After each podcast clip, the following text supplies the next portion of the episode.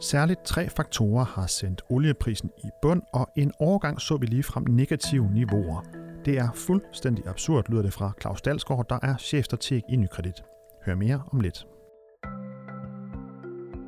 De lave oliepriser påvirker forskellige dele af markedet og kan blandt andet være en tiltrængt rygvind til flyselskaber, når de altså kommer i gang igen, lyder det. Det ser vi nærmere på lidt senere i programmet. Forventningen er, at olieprisen senere på året vil kravle op, men det er betinget af forskellige forhold. Få det perspektiv på historien til sidst i udsendelsen. Du lytter til Investor Insights fra Nykredit. Mit navn er Kasper Sagmann.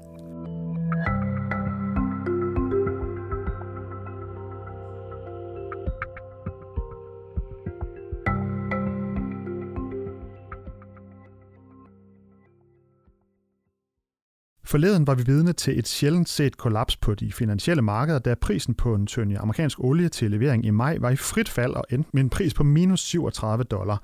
Det er første gang, det nogensinde er sket, at den er røget minus, og altså endte den et godt stykke dernede af oven i købet. Olie det er som bekendt den vigtigste råvare for de finansielle markeder, så hvordan øh, påvirker det her scenarie egentlig investorerne, udover dem, der har investeret i olie altså? Det kigger vi nærmere på i denne podcast, og derfor kan jeg byde velkommen til dig, Claus Dalsgaard. Tak chefstrateg i Nykredit. Og hvis vi skal tage forklaringen på, øh, hvorfor at, øh, at olieprisen den altså er faldet så meget, så er det altså dels, at efterspørgselen på olie er faldet meget, omkring øh, 30 procent på global plan, og Derudover så har der været en, øh, en, en priskrig øh, blandt øh, nogle af de olieproducerende lande, og for det tredje så øh, er, var nogle af de her lager øh, altså ved at fylde op af den her specielle amerikanske olie, så folk øh, vil gerne øh, slippe af øh, med den, for ikke at skulle, skulle betale for at få den lagret. Er det, er det nogenlunde dækkende, Claus? Ja, det er det i høj grad. Øh, cirka 60 procent af vores olieefterspørgsel går jo går i virkeligheden til, til transport. Øh, altså det er altså fly, det er skibe, og så er det i høj grad øh, landbaseret transport, altså private biler og lastbiler og så andet. Og det er klart, når vi, vi ikke skal køre så meget, når, når, når fly er sat på jorden og alt muligt andet, så er der lavere efterspørgsel, og derfor kommer vi ind i de her cirka 30% nedgang i efterspørgselen. Så på produktionssiden, øh, der kunne man jo ikke blive enige øh, for, for en halvanden måned tid siden i OP Plus samarbejde, altså OP Plus, specielt Rusland og nogle enkelte andre lande, om at for, for, forlænge sin, sin aftale omkring øh, produktionsbegrænsninger. Og så har man faktisk gået ind i en priskrig, som du siger. Altså man har faktisk produceret, øget sin produktion, og Saudi-Arabien øget deres produktion med, med næsten 30 procent. Øh, Øh, og det er jo altså olie, som er blevet smidt på tankskib, og vi er blevet smidt på tankskib nu, som er på vej til at ramme øh, markedet. Så man har øget sin produktion, samtidig med efterspørgsel kollapset uhørt hurtigt. Og det er også vanvittigt. Og så er det klart, det her er jo et fysisk produkt. Så, så det, det er bare ikke så nemt, når, man, når der er mere olie, end der efterspørges, så skal man finde et sted at lære det. Og løber man simpelthen tør for, for tankkapacitet, og det her altså milliarder og milliarder af liter olie. Det er kolossale mængder, man skal bruge for at lære, og det, det er så svært. Og man prøver at være kreativ med, hvor man kan lære det, men det er bare ikke så nemt. Hvad tænker du som, som økonom, som en, der har siddet med, med det finansielle marked i rigtig mange år, og også olie hvad, hvad tænker du om hele det her scenarie, bare lige for at forstå det, øh, om, om en negativ oliepris på 37 dollar? Men det er jo fuldstændig absurd. Men, men det sagde vi også lidt, da vi fik negative renter. Øh, altså det her med, at man var villig til at betale, øh, om sådan set for, at nogen vil tage ens penge. Øh, det er ikke noget, det der her, står i de økonomiske lærebøger, øh, måske? Ja, det, det, der skulle vi også lige, øh, vi skulle lige vikle, vikle vores hoveder omkring det her, hvorfor en negativ renter øh, faktisk kunne, kunne forekomme. Og jeg tror også, vi kommer til, og de næste par måneder faktisk vil vente os lidt til det her periodevis fænomen med, øh, med negativ øh, oliepriser. Og det vi altså ser her med, øh, med, med olieprisen, hvad, øh, en ting er jo, at ja, det er jo verdens vigtigste råvare, og det påvirker jo øh, børsmarkedet for så vidt. Men hvordan, hvordan påvirker det sådan generelt altså, folks investeringer? Altså der er jo, der er selvfølgelig nogle, for eksempel flyselskaber, der kunne jeg se, at det, det typisk udgør øh, omkring 20-25 procent af flyselskabers omkostninger. Er det, er det noget, som nu flyselskaberne står selvfølgelig stille øh, nu i, som følge af corona, men kan du sige lidt om, hvem, øh, hvad for nogle brancher og, og sektorer påvirker sådan et, et stort olieprisfald her? Ja, det, det kan jeg godt. Hvis, hvis vi, altså igen, lad os bare starte med flyselskaberne. Altså lige nu, så er det sådan set lidt ligegyldigt, om, om deres brændstof er billigt eller ej, hvis de ikke flyver. Så de har faste udgifter og ikke nogen indtægter. Når vi engang på den anden side kommer, kommer i gang igen, så, øh, og folk begynder at flyve i et vist omfang, så vil det faktisk være en lille smule rygvind til de her selskaber. Det kommer ikke til at løse deres problemer og deres udfordringer, men det hjælper en lille smule. Så det kan faktisk være, at hvis du, du har et, en, en, en fly, som normalt så skal du have 200 med på det her fly for at break even, så kan det være, at du kan også med at flyve med 150 før der break-even på den her flyvning. Så du behøver måske ikke skal fylde lige så meget op. Så det vil hjælpe. Jeg siger ikke, at det er en anbefaling, at man skal købe flyselskaber, men jeg siger, at, at, at det, det giver dem en lille smule rygvind, øh, når vi kommer på den anden side, hvis olieprisen stadigvæk er lav, det regner jeg med, at den vil være. Ikke lige så lav som lige nu, men stadigvæk er ganske lav. Så kan man sige, at på den negative side, så er det klart, at øh, energiselskaberne, de, de lider selvfølgelig noget.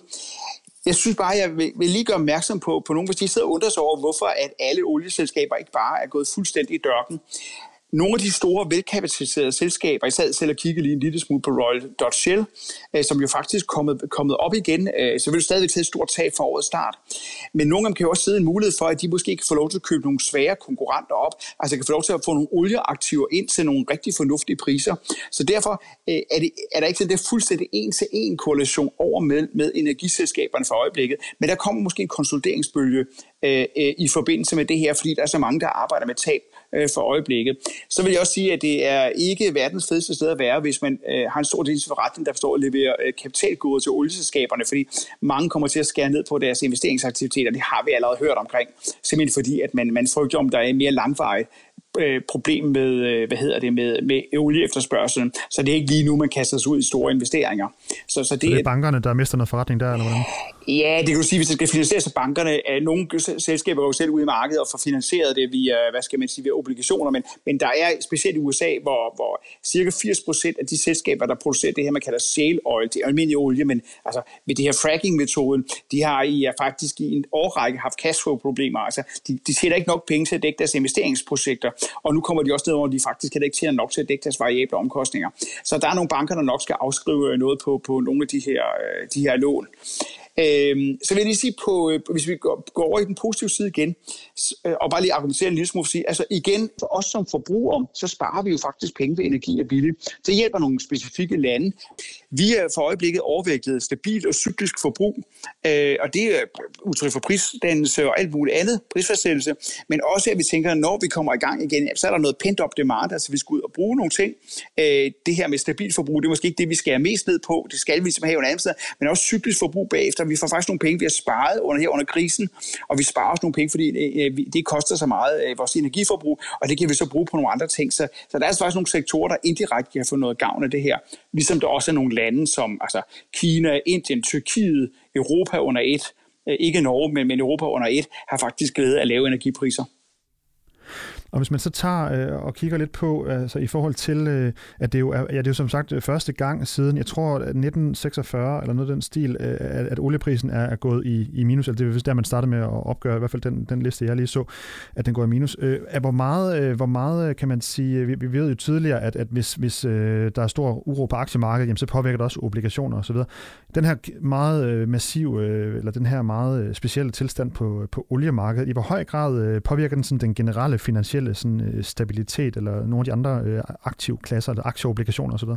Ej, det, det, er, det er en bekymringsfaktor. Det er en bekymringsfaktor, fordi det her kan, øh, hvis det var med noget længe, så kommer til at, at give nogle konkurser, altså kommer til at belaste. Vi snakkede omkring banker, vi snakkede om investorer, som er investeret i nogle selskaber, der kommer konkurs.